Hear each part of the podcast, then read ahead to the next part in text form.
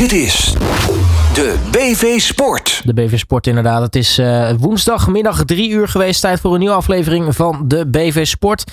En uiteraard zit ik dan niet in mijn eentje in de studio. Want uh, rechts van mij zit zoals altijd Frank van der Walbaken. Frank, hele goedemiddag. Goedemiddag Robert. En we hebben vandaag een, uh, een gast in ons midden. Iemand die hier, ik heb het net even teruggeteld, al inmiddels al zes keer geweest is. We mogen ze eigenlijk bijna zeggen, ja, een vaste gast in deze uitzending.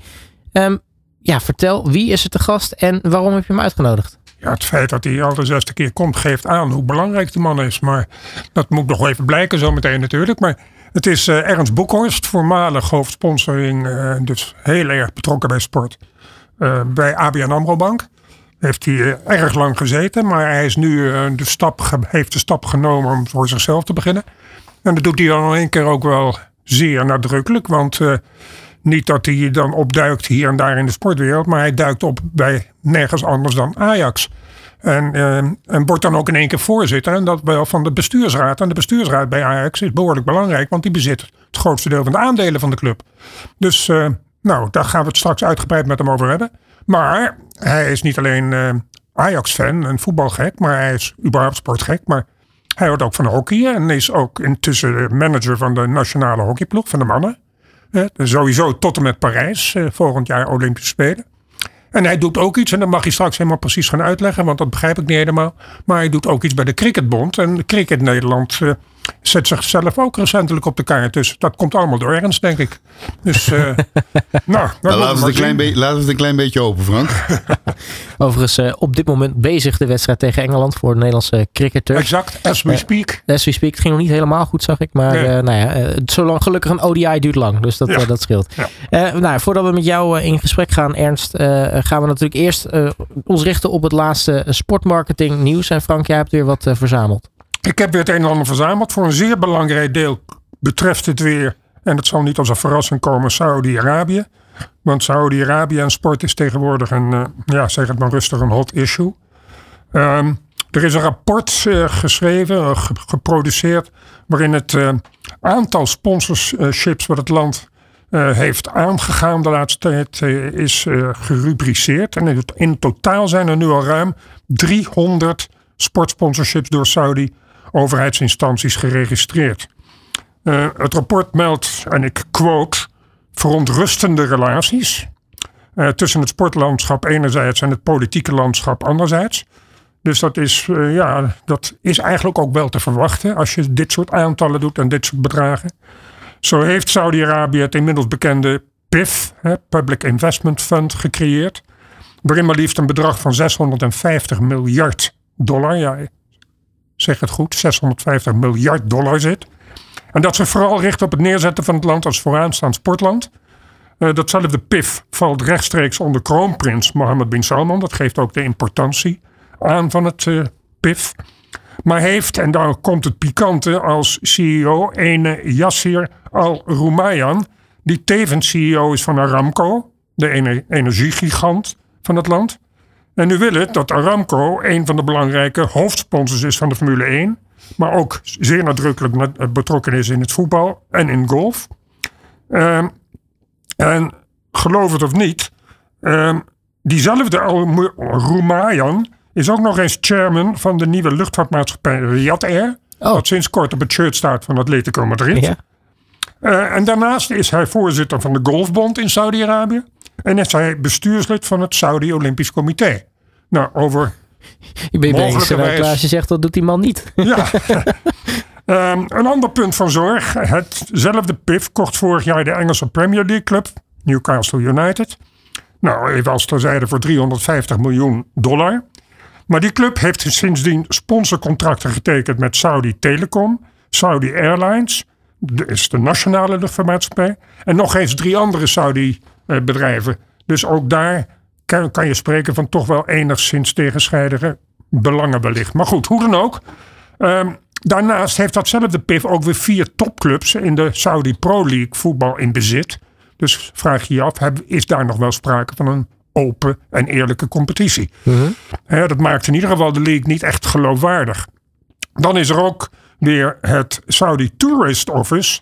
Uh, dat een staatsgefinancierd instituut is en dat te pas en te onpas via shirts en boarding in het voetbal wereldwijd opduikt met hun slogan Visit Saudi. Uh, en deze boodschap ook laat uitdragen door de voor 25 miljoen dollar ingehuurde ambassadeur Lionel Messi. Uh, en datzelfde Visit Saudi tekende onlangs overigens als hoofdsponsor van de Afrikaanse Football League. Ja, kun je het nog volgen, Robert en Ernst, maar ik ben er nog niet. Want om het verhaal nog ingewikkelder te maken, moeten we inmiddels, weten we inmiddels ook hoe Saudi-Arabië met de nadrukkelijke hulp van FIFA-baas Gianni Infantino het wereldkampioenschap voetbal 2034 naar zich toe heeft getrokken. Um, en het gaat nog even door, want alles bij elkaar, hoe dan ook, een spinnenweb van Arabisch geld in de sportwereld. En of we daar nu blij mee moeten zijn, ik weet het niet. Ik, uh, maar goed, ik ben nog steeds niet klaar, want de Saudi sportstrategen zitten niet stil. Want het reeds genoemde PIF heeft de ogen nu ook gericht op tennis. En we wil met de goed gevulde beurs twee toernooien kopen. Het Madrid Open en het Miami Open. Beide zijn 1000 ATP-punten toernooien.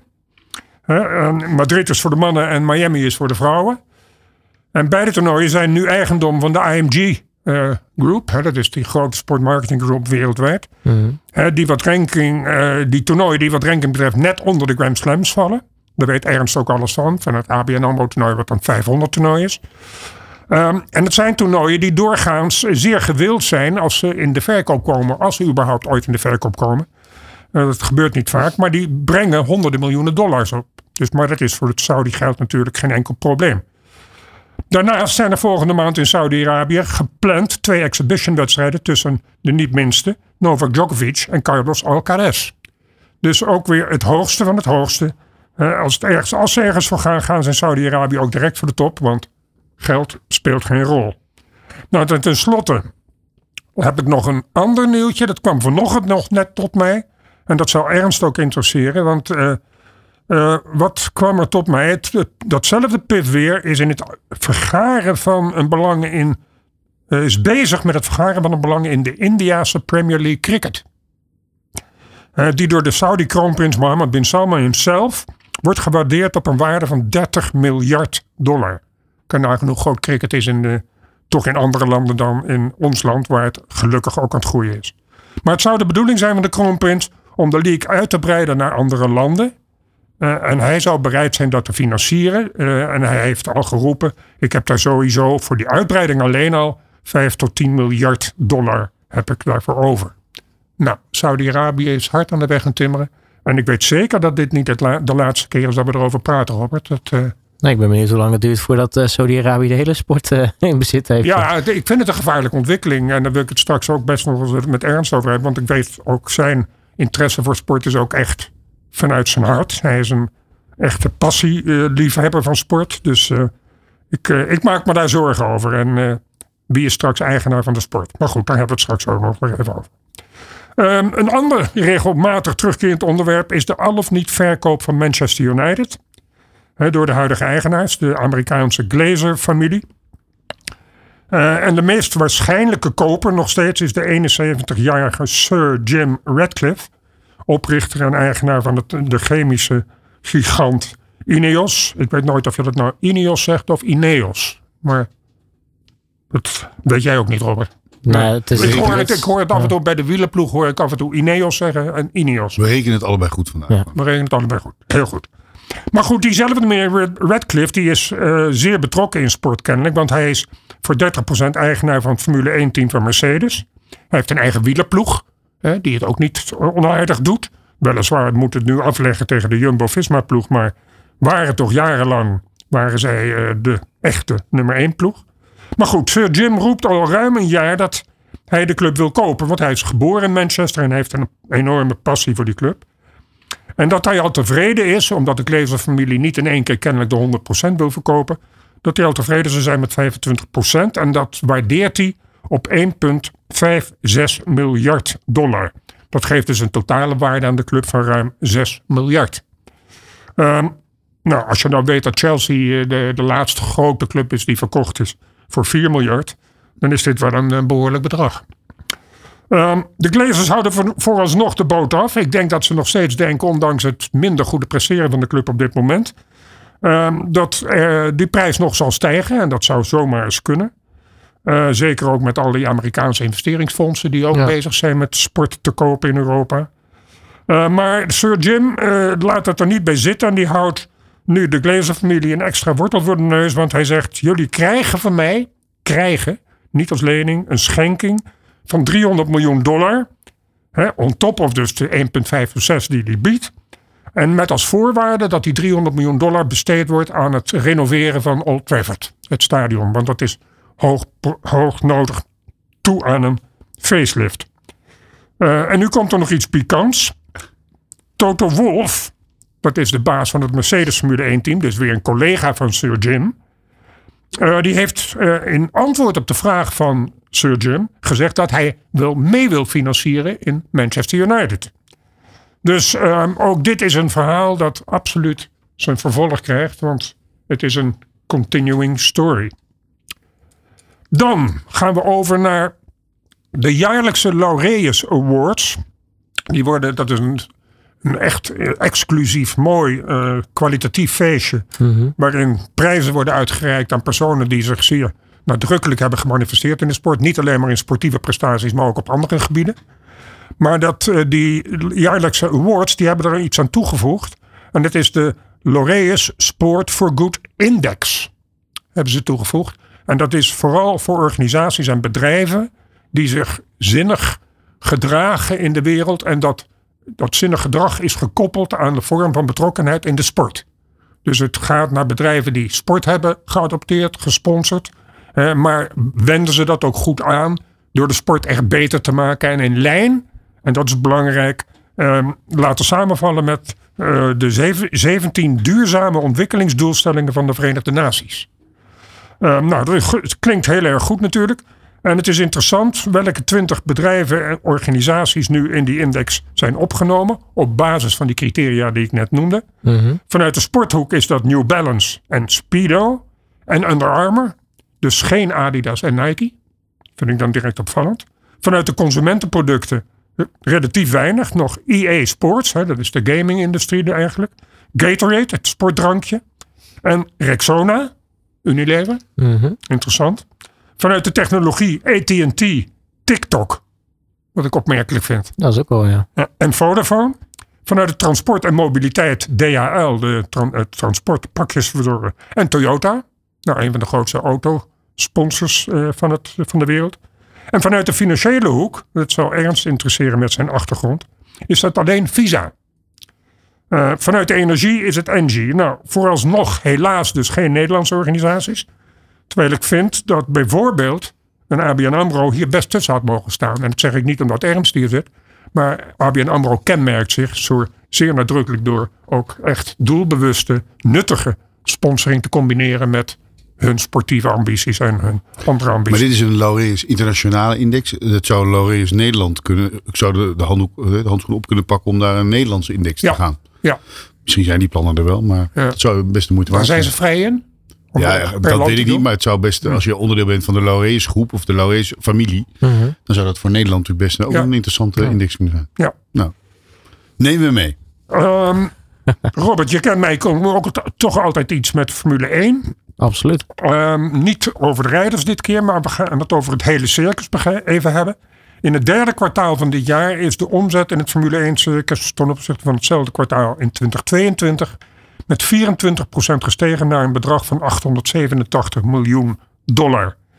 Weliswaar, moet ik eerlijkheidshalve erbij zeggen, betrof het acht races ten opzichte van zeven in hetzelfde kwartaal vorig jaar. En daarnaast heeft het circus recentelijk een nieuwe overall sponsor aan het bestaande commerciële gezelschap toegevoegd. En dat is American Express.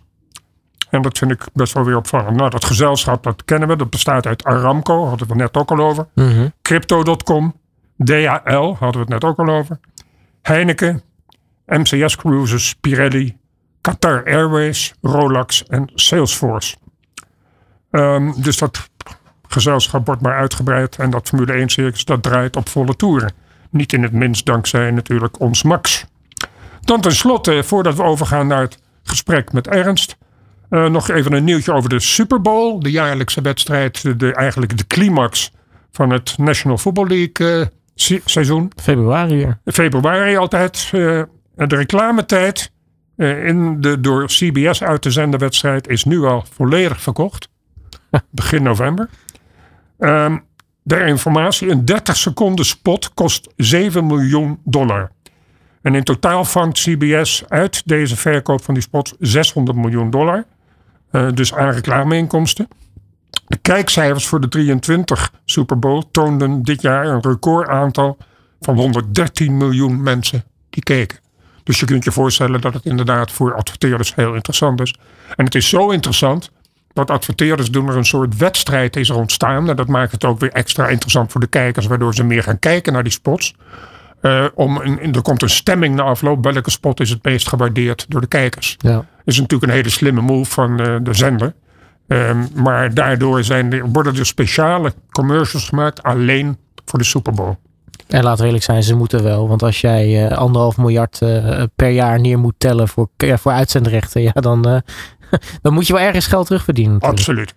Dat was het voor dit keer het nieuws. Nou, super. Dan uh, gaan we zo meteen in gesprek met onze gast van vandaag. En uh, we gaan hem alles vragen over uh, wat hem nou ja, zo al bezighoudt deze tijd. Dit is de BV Sport. En vandaag in de BV Sport te gast Ernst Boekhorst. Een man die we hier maar al te goed uh, kennen. Is hij dus uh, uh, zeker meer dan eens geweest. in zijn tijd bij, bij ABN AMRO. Inmiddels, nou ja, wat Frank al terecht aangeeft, voor zichzelf begonnen. we zien hem bij Ajax voorbij komen. Bij de Oranje Hockeymannen. Bij de Cricketbond. ja, dat houdt je wel van de straat in ieder geval, Ernst. Het houdt me zeker van de straat. En dat is uh, licht uitgedrukt. En aan de andere kant, als je in sport wil werken, dat wil ik graag. Dan zijn dat wel hele, drie hele mooie uh, plekken waar dat kan. Dus uh, ja, met plezier. Ja. ja. Ernst, um, GG7 heet ja. jouw eigen nieuwe bureau. Ja. Uh, leg eens uit, wat is dat? Ja, je kijkt er ook een beetje. Uh, ik weet niet hoe je kijkt, Frank. Nee, GG7 is ooit ontstaan. Je moet een naam verzinnen voor de werkzaamheden die je gaat doen. Voor het bedrijf wat je gaat doen. Of de entiteit. En uh, ja, dan zit je met je gezin aan tafel. En ik ben vader van vijf kinderen. dat is sowieso al nieuws. vaak als ik ergens kom. Maar toen zeiden we, ja, waar doen we het eigenlijk voor? Dat zijn, is voor mijn gezin. En toen is daar GG7, groot gezin totaal met zeven. En nou, dat, is, dat voelt eigenlijk heel erg goed. Dus uh, dat doen we, dat, dat doen we het voor. Ja, ja. ja, dankjewel. Heel leuk.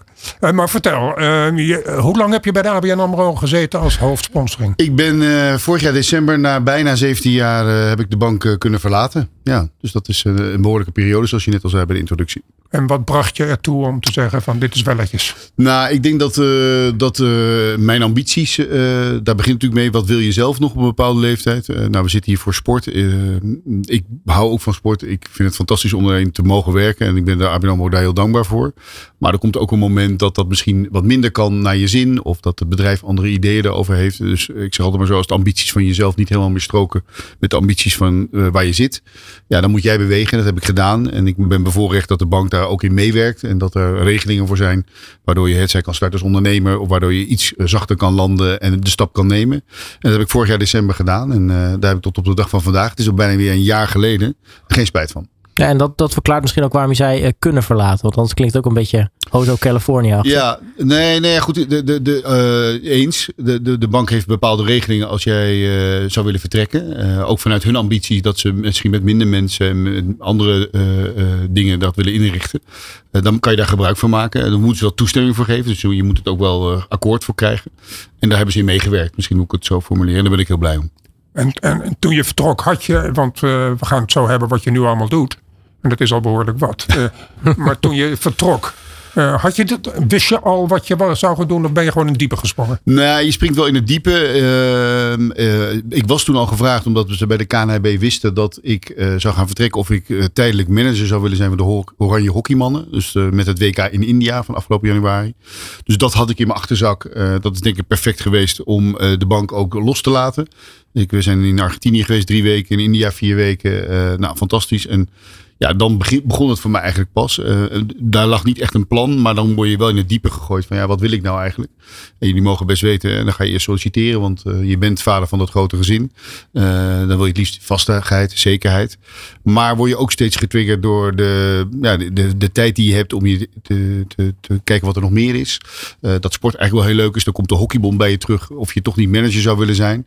Nou, en uiteindelijk komt dan het beeld dat het eigenlijk ook wel heel goed kan als je dat voor jezelf zou doen. En, en en, dan moet ik best- zeggen, dan heb je best wel eens moeilijke weken. Dat je denkt, goh, het is wel stil. Of moet ik niet meer koffie drinken of niet meer op pad. Maar uiteindelijk rolt het dan toch naar je toe. Omdat je daarin investeert en daar eh, goed mee bezig bent. En eigenlijk vanaf de zomer eh, heb ik daar eigenlijk de keuze in gemaakt om het dan ook echt voor mezelf te gaan doen. Maar, maar vert- leg eventjes eh, uit, wat, wat houdt het manager van de nationale hockeyploeg eigenlijk in?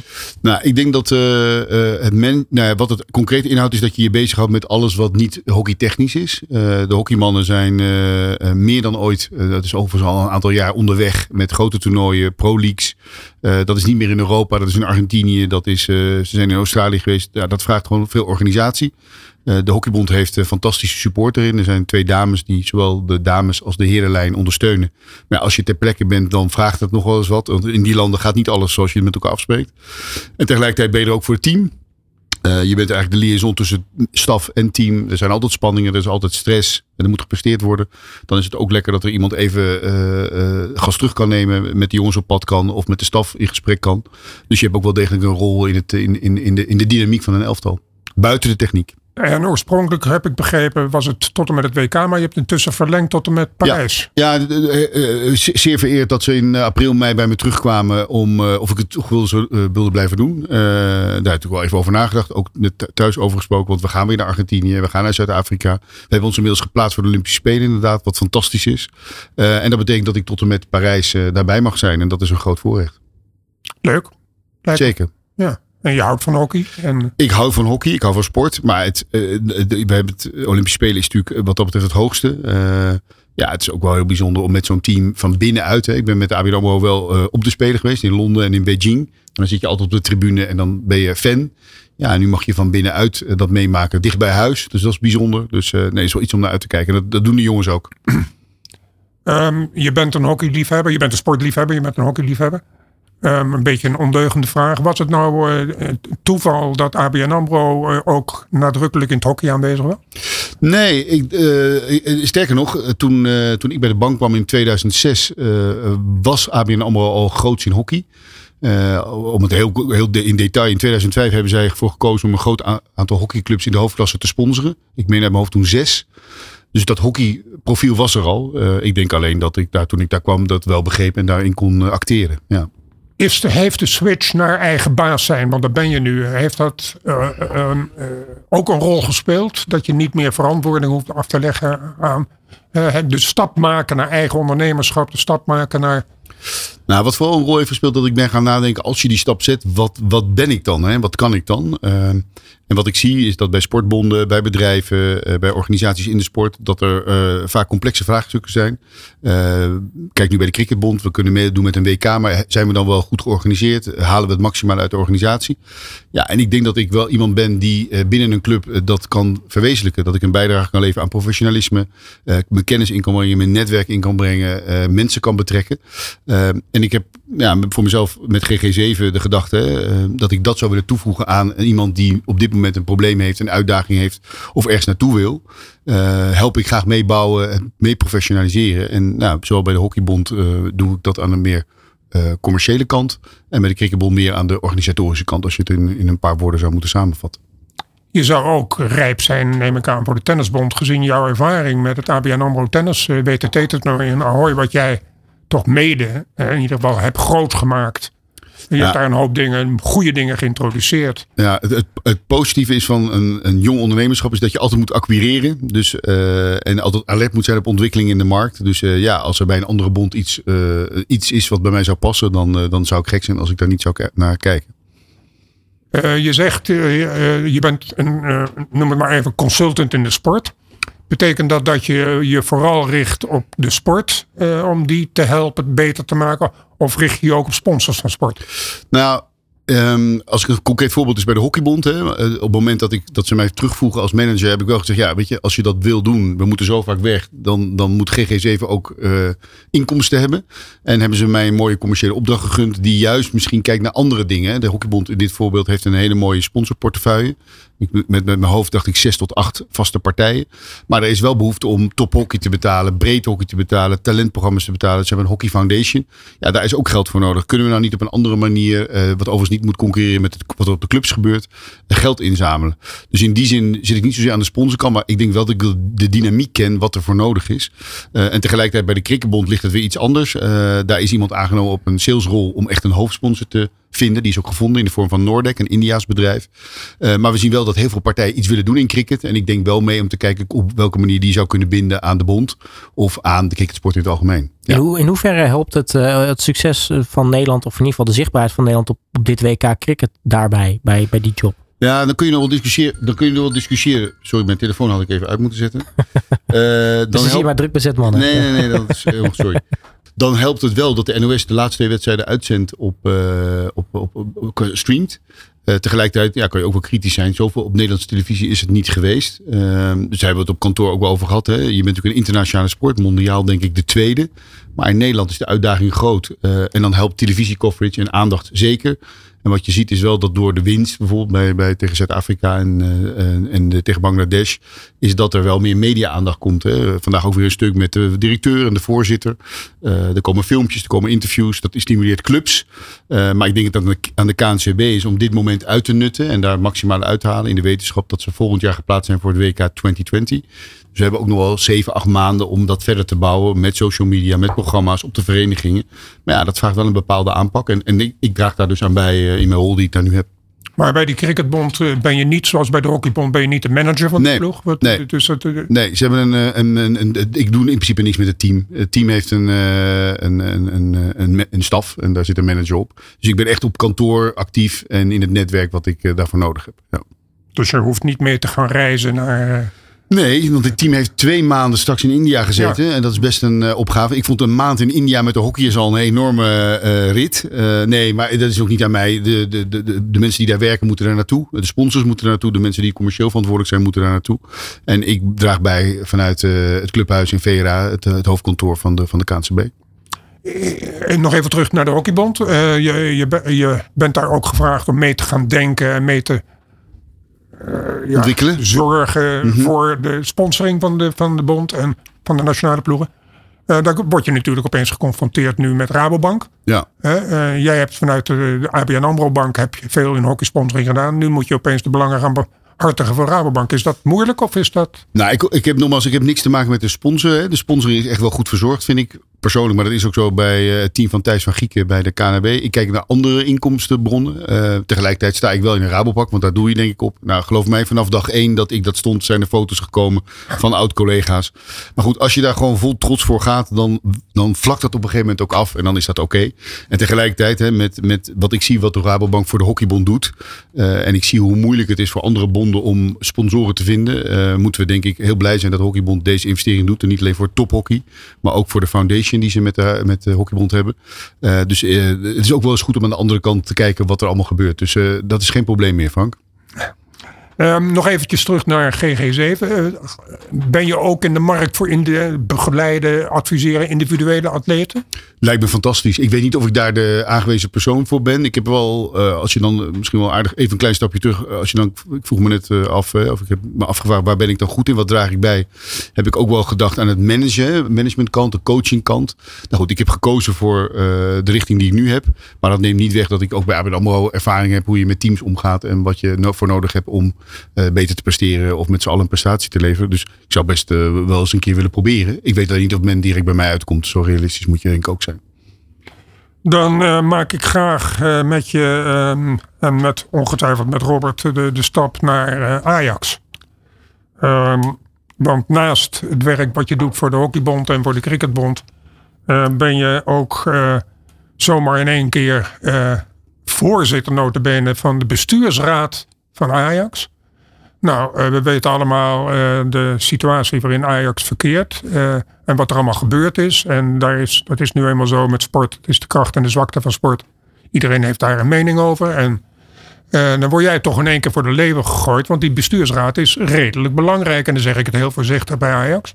Want ze hebben het merendeel van de aandelen. Ik meen 70% geloof ik. Van de aandelen. 73%. 73% van de aandelen in bezit van de club. En jij bent voorzitter van die raad. Dus je bent eigenlijk in één keer de belangrijkste man bij Ajax. Of zie ik dat verkeerd? ja, jij kijkt me aan of je het niet gelooft, Frank. Maar ik, nee, ja, misschien even terug. Hè. Ehm, eh, de- jou- jouw verbazing, of jouw, de- die begrijp ik. En die had ik zelf ook toen, toen de benoemingscommissie mij belde.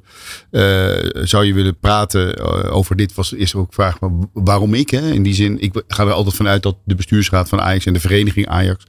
Dat de voorzitter altijd uit het midden komt, uit het midden van de vereniging. Nou, blijkt dat helemaal niet zo te zijn. Hè. Zij hebben de vrijheid om iemand van buiten te vragen. En als je kijkt naar de historie, is dat ook al vaker gebeurd. eh, Met mensen die van buiten voorzitter werden. Daar is Marco van Praag zelf ook een voorbeeld van. Maar ook eh, eh, een John Jaken. En, nou, om even aan te geven. Frank Eiken volgens mij was al lid. Maar goed, in ieder geval, het is, het is een gewoon goed gebruik. Dat dat niet altijd iemand hoeft te zijn. Dus dat was mijn eerste verbazing die meteen weggenomen werd. Ehm, maar goed, uiteindelijk ga je dan praten waarom ze dat willen. Ehm, en toen zaten we overigens nog niet in zo zwaar weer. De seizoen moest nog beginnen in, in begin augustus. Maar ik vind het vooral, vond het toen en nog steeds heel eervol.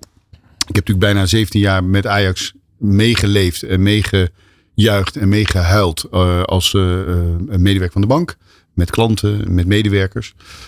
Ik ben al jaren fan. Ik ging vroeger met mijn vader naar het stadion. Ja, dan heb je iets met die club. Ehm, nou, dan is het wel heel veel eervol dat je als voorzitter wordt gevraagd. En eh, nou, dan ga je door een heel traject van gesprekken met een hele benoemingscommissie, met leden uit de vereniging. Eh, heb je een C in hoe je, hoe je eigen bestuur wordt gevormd. Ja, en dan is het eind augustus wel een soort van, nou, ga je het doen of niet? Nou, dat is best even in het diepe. Eh, nou, en uiteindelijk, en daar doel je denk ik op, is natuurlijk voor de hele bestuursraad eh, naar de benoemingsmoment toe van 20 september zo verschrikkelijk snel gegaan. Dat zelfs op de avond dat we gekozen zouden worden, of in ieder geval onze presentaties hebben gehouden en de stemmingen plaatsvonden, ja, brak er al, eh, was het al onrustiger dan. Hè, eh, en het weekend daarna met de klassieker.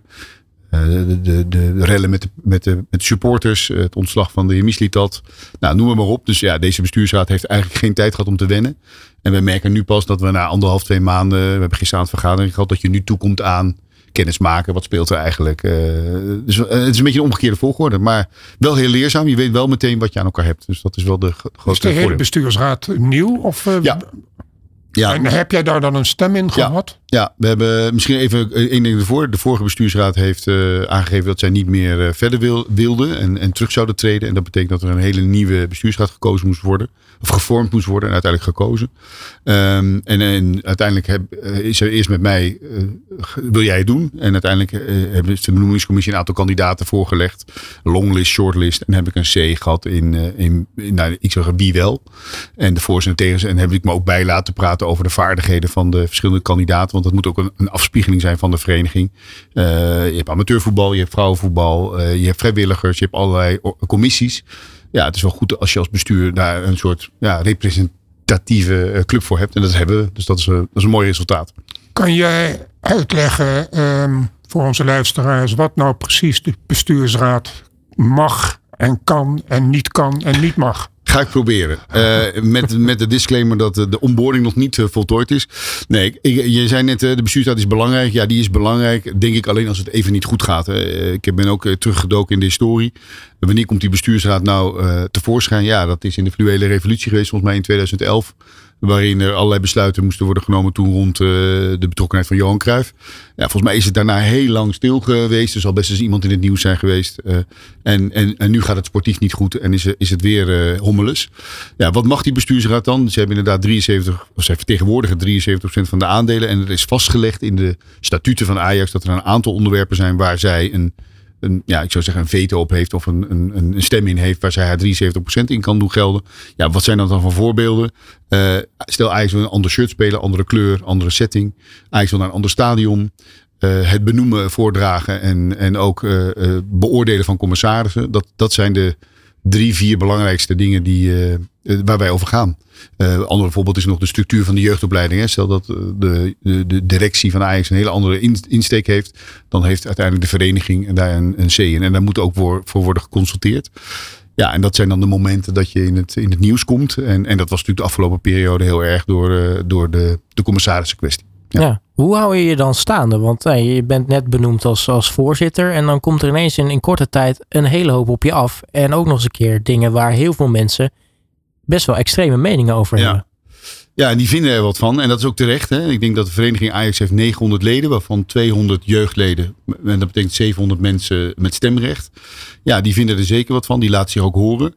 Uh, tegelijkertijd hebben wij als bestuursraad gezegd, we zijn inmiddels met z'n negen gezegd, wij houden elkaar vast. We, zijn, we steunen elkaar. En, en, en ja, hoe hou je dan staande? Is het daarop vertrouwen? we hebben een aantal voetbaldeskundigen erin. We hebben een aantal mensen uit de vereniging. Daar bepaal je dan met elkaar van, daar gaan we voor. Ja, en dan is het denk ik de kunst om bij elkaar te blijven en daarvoor te staan. En, dan is het ook een beetje, nou ik zou wel zeggen, zoals het gaat.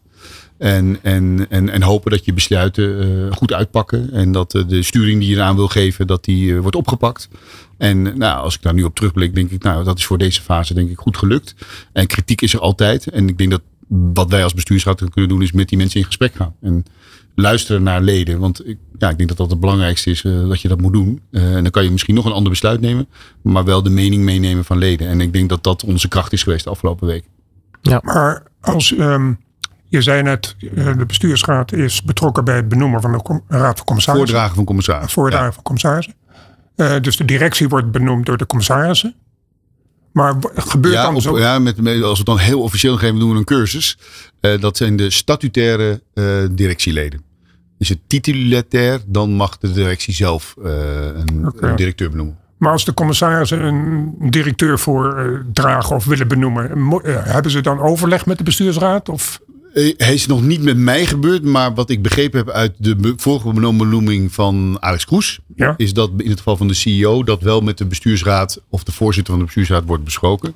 Uh, formeel hoeft dat niet. Maar goed, dat is sowieso natuurlijk, denk ik, hoe je Lijkt uiteindelijk... verstandig. Ja, kijk, ik denk dat je hebt dingen op papier en je hebt, hoe gaat het in de praktijk? En ik denk Ja. dat je uiteindelijk met een CEO en met een voorzitter van de Raad van Commissarissen en misschien de voorzitter van de bestuursraad een manier moet vinden met elkaar, waardoor je elkaar niet verrast, eh, elkaar informeert eh, en samenwerkt. Hoe lang duurt zo'n eh, voorzitterschap wat jij nu hebt? Wij zijn als hele bestuursraad voor drie jaar eh, benoemd. En volgens mij heb je, mag je maximaal negen jaar zitten. Dus drie keer drie. Ja. Oké, is dat je ambitie? ambitie? Nou, zo mooi. Ik kreeg die vraag in de benoemingscommissie. eh, ik volgens mij een van mijn eerste gesprekken. Toen zei ze, ja Ernst, hoe ga jij je opvolging eh, eh, regelen? Eh, in de wel, jij komt nu van buiten, dat was, dat was eigenlijk de vraag. En hoe ga je nou zorgen dat de volgende keer iemand uit de vereniging komt? Nou, even los van termijn. Ik denk dat het een hele mooie ambitie is van mij om een, iemand vanuit de vereniging, eh, nou niet op te leiden, maar daarvoor klaar te stomen. Dat bij een volgende keer het iemand is die wel uit de vereniging komt. eh, met misschien wat voetbalachtergrond of die kwaliteiten heeft. Dat zou een mooie ambitie zijn. En of dat dan na drie jaar is of na zes jaar, ja, het gaat niet om mij. We hebben als motto van de bestuursraad samen Ajax. Het gaat om Ajax en niet om Ernst Boekhorst. Even voor alle eh, twijfels weg te nemen. Dit is Prodeo. Dit is een, eh, ja, dat vragen heel veel mensen. Eh, dat is een onbezorgde baan. Dat is een vrijwilligersbaan. Zoals de voorzitter van de tennisvereniging dat ook is. Ehm, dus eh, ja, En ben jij nou bijvoorbeeld überhaupt geïnformeerd of geraadpleegd of om advies gevraagd in de benoeming van John van Schip? Nee, dat vind ik, vind ik een mooi voorbeeld. Eh, buiten het feit dat wij ook in de krant lezen dat, dat hij in beeld was. eh, of dat hij een van de kandidaten was. Worden wij keurig gebeld op een moment vooraf. eh, voordat Ajax dat natuurlijk wereldkundig maakt. En, en ook als beursgenoteerd bedrijf haar stakeholders moet informeren. word ik ook gebeld. En ik informeer dan op mijn beurt de bestuursraad over dit voornemen. En dan vaak een uurtje later verschijnt dat persbericht. Is een eventuele volgende stap van de voorzitter van de raad van, van eh, deze adviesraad of de bestuursraad van bestuur, nee, bestuursraad moet ik zeggen. Is een volgende stap raad van commissaris? Voor mij? Ja. Nee. Eh, ik heb, nee, je overvalt me daarmee. Ik, ik ben net begonnen als voorzitter van de bestuursraad. Dat is al nieuw. Eh, eh, ik heb niet, nu niet de ambitie om, zou ook heel raar zijn als ik dat zou hebben, om in de raad van commissarissen van IJs eh, zitting te nemen. Ik denk dat wij wel als bestuursraad ervoor moeten zorgen dat we kijken, als daar wisselingen gaan komen of mensen eh, uittreden, eh, dat we kijken of we daar kunnen helpen om mensen met een, met een IJs achtergrond in te hebben. Want dat is wel een wens vanuit de vereniging. Maar als je dat als leidraad neemt, dan ben ik niet de eerste kandidaat, Frank. En dat, dat houden we zo. Uh, Eringa en Jan van Hals die zijn vertrokken. Nee, Jan van Hals is er nog. Uh, en de heer Eringa is volgens mij eind september heeft hij... is hij heeft hij en blijft het daarbij? Blijft het daarbij? Nou, het is altijd een beetje... Ik lees ook de kranten, Frank. En, dat, en dat, daar stoor ik me ook wel aan. er zijn mensen die bij Ajax heel hard werken. En ja, ik ben niet doof en, en zie ook wat er gebeurd is het afgelopen jaar uh, met de club. dus er is ook nog een onderzoek wat loopt. Wat toeslaat op, op de afgelopen transferperiode met name en wat daar gebeurd is. Ja, laten, we, laten we hopen dat dat goed valt. En, en, en ik, zou bijna hopen als daar mensen hun conclusies uittrekken.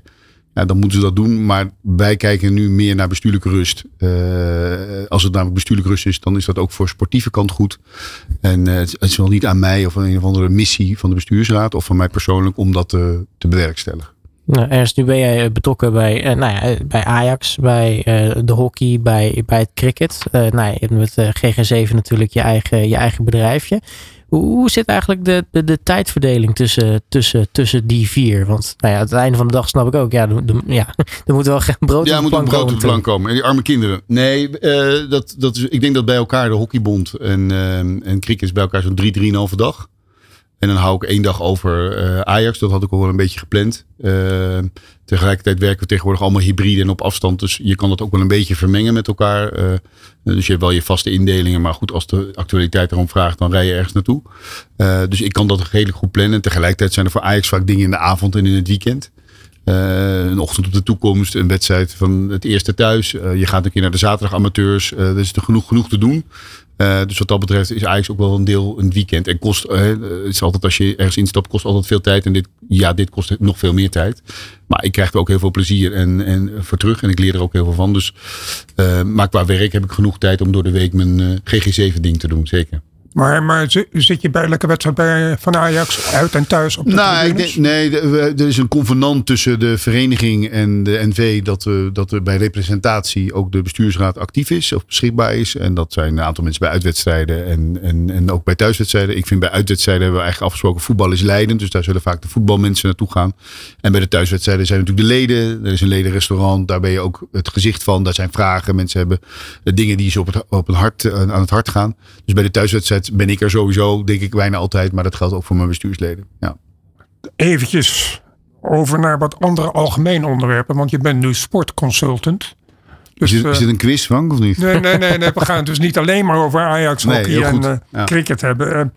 Uh, uh, ik noemde net al, of ik in, in, in, in het, de inleiding van dit programma vandaag hadden we het over Saudi-Arabië en sport. En, uh, en die ontwikkelingen, dat de investeringen in de sport worden hoe langer hoe groter. En door mensen, organisaties buiten de sport.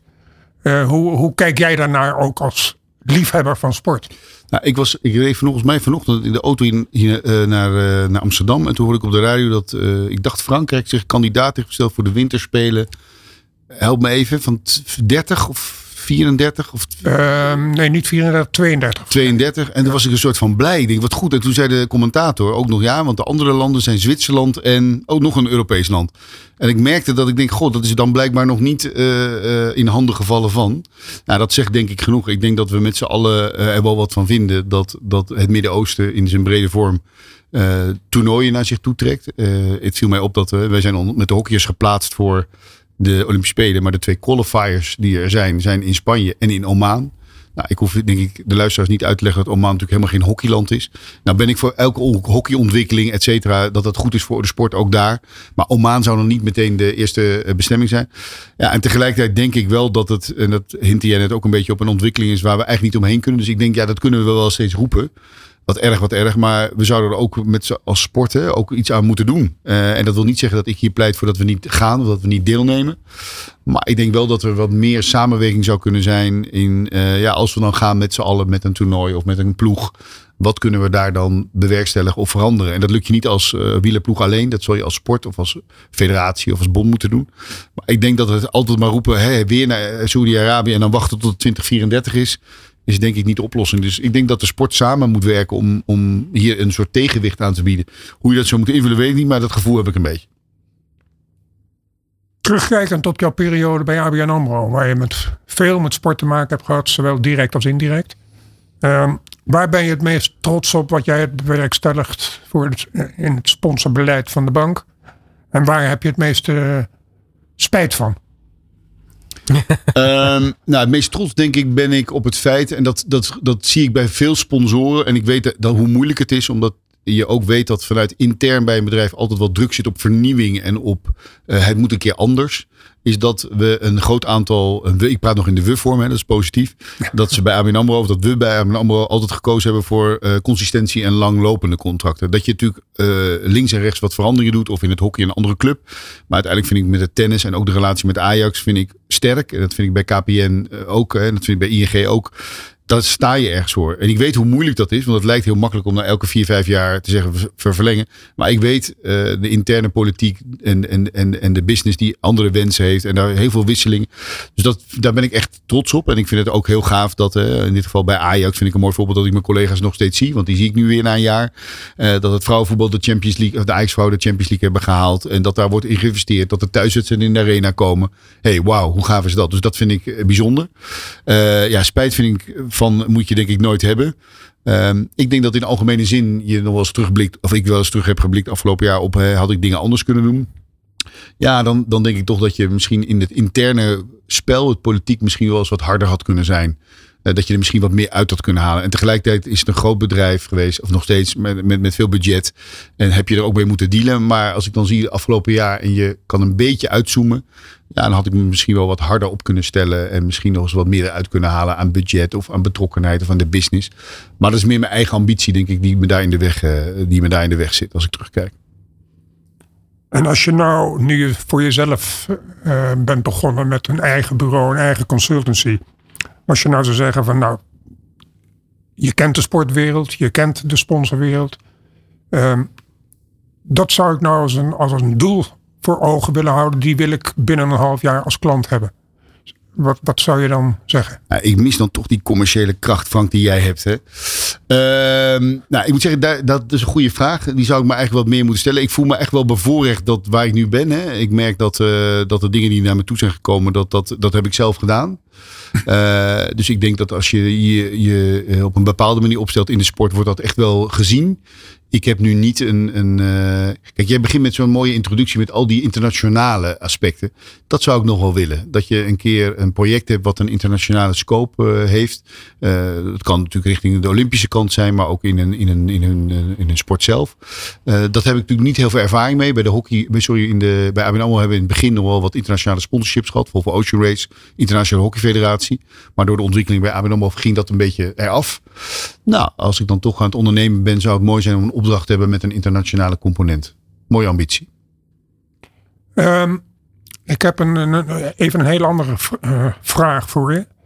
Um, ik neem aan dat je gisteravond ook Champions League hebt gekeken. Tweede helft. Ik had bestuursvergadering, Frank. Dus, uh, Oké, ja. maar goed, dan heb je het over de tweede helft van Feyenoord, ja. neem ik aan. Ja. Je hebt dus niet het Switch-kanaal, heb je. Nee. Dus je hebt niet gezien dat uh, uh, Belgado, uh, Rode Ster Belgado, nog steeds met Gazprom op het shirt nee, speelt. Maar dat, is wel, dat weten we wel. Ja. Dat is bekend. Um, we hebben leven in een tijdperk waarin de sport heeft besloten, al of niet terecht, om Russische atleten, Russische ploegen um, niet toe te laten bij internationale toernooien. Um, vind jij het, uh, ik ben benieuwd naar jouw mening, dat een club in de Champions League speelt, onder de vlag van de UEFA, de Europese Voetbalbond, en dat die op het shirt spelen met een van de grote sponsors van Rusland, uh, Gazprom, die de oorlogskast van Poetin behoorlijk voedt. Ja. Uh, zou het nou niet juist zijn geweest dat u even zou hebben gezegd van blanco shirt of, of niet meedoen? Ja, volgens mij had Lazio Roma een blanco shirt, hè? maar dat had een andere reden. Ja. Um, uh, even algemene zin, jouw stelling, hè, de, de, de, de sporters uit Rusland en Wit-Rusland doen in principe niet mee. Dat vind ik al ingewikkeld, want er zijn natuurlijk bonden en, en, en, en toernooien zelfs dat dat wel gebeurt. Dus daar begint de inconsistentie al. Ja. Uh, en tegelijkertijd heb je een punt. Hè, als de UEFA echt uh, ballen had, dan had ze dat voor haar toernooi kunnen verbieden. dus dat, die oproep zou ik steunen. Uh, maar tegelijkertijd zie ik hoe wankel de samenwerking weer is en de uniformiteit in het handelen naar. Uh, daar wel, als tennis wel, uh, andere sporten niet. Uh, Olympisch wel, niet Paralympisch. er is, niemand begrijpt het meer hè? en dat is ook niet goed. Dus we missen echt ja, solidariteit, is dat goede woord? Om dat goed te doen. Dus ja, als je dat niet hebt, is het ook lastig om te zeggen: ja, dat shirt mag niet met Gazprom. Terwijl we allemaal voelen dat dat niet oké is. Terwijl bijvoorbeeld wel, als je kijkt een aantal jaar geleden, dat bijvoorbeeld, moet ik even heel goed zeggen, Red Bull Salzburg het shirt moest aanpassen, of in ieder geval het logo moest aanpassen, omdat er maar dan uh, met, met sponsorbelangen en dat soort ja, dingen. Ja, dat afmeting bij wijze van spreken. Ja, niet, ja, ja nee, de, de, de regelgeving vanuit, uh, dat weet ik van Menno Gele van, van Ajax. De regelgeving voor de, voor de Champions League is, uh, zowel in het stadion met shirt, is compleet rigide. Moet je aan houden. En als je er overheen gaat, dan, dan kom je uit bij dit soort voorbeelden. Ja, en tegelijkertijd staan ze dit wel toe. Ja, het is verschrikkelijk krom. Inconsequent. Inconsequent, Frank. Een afsluitende vraag. Ehm, doe je zelf aan sport? Nou Frank, ik heb goed nieuws. In het kader van minder ernst ben ik eigenlijk al sinds corona, en dat is toch alweer een behoorlijke tijd, eigenlijk drie keer in de week aan het hardlopen. Dat is denk ik uh, goed. Uh, dat helpt me ook, houdt me ook fris. Uh, en dat probeer ik ook vol te houden. En er is een herfstvakantie, Frank. En er is een kerstvakantie. En daarnaast ehm, ehm, speel ik af en toe een rondje golf. Maar dat, dat is meer omdat ik het heerlijk vind om buiten te zijn. En dat doe je dan meer vanuit een sociaal component. maar beleef ik wel heel veel plezier aan. Nou, Ernst, ontzettend veel dank voor jouw komst naar de studio. Is het alweer tijd? Het is alweer tijd. Okay. Time flies when you're having fun. Dank jullie wel allebei. Ja, Ernst, inderdaad, dankjewel voor je komst naar de studio. Frank, volgende maand zijn we natuurlijk weer met een nieuwe BV Sport. Uh, overigens uh, zonder mij. Ik ben dan op vakantie. Maar, uh, Zo. Oh. Ja. Had je nog geen toestemming voor gevraagd? Nou, dan worden de verloven nog even ingetrokken. maar ja, ik, ik, kan, ik kan blijven vragen. Heb je al een idee? Maar jij gaat ons nee, ongetwijfeld verrassen. Ik, ik, ik, ik, vind dat een maand van tevoren vind ik dat lastig. Want af en toe probeer ik toch nog een beetje actueel te zijn. En, nou, dat hebben we nu met een ernst. Hebben we dat natuurlijk sowieso met Ajax en bestuursraad en hockey en cricket. cricket Ja. Dus... Dus ik, nee, ik, uh, ik heb wel ideeën, maar die laat ik nog even niet los. Je gaat ons verrassen in ieder geval. Ja. Hartstikke mooi. Frank, jou ook weer dank voor je komst naar de studio. Uh, heb je iets gemist van deze aflevering van de BB Sport? Kun je het uiteraard in de loop van de middag online terugvinden via allsportsradio.nl of via de bekende podcastkanalen zoals soundcloud.com, maar natuurlijk ook Spotify en Apple Podcast. En dan zeg ik uh, namens mij en Frank tot de volgende keer. Dit is de BV Sport.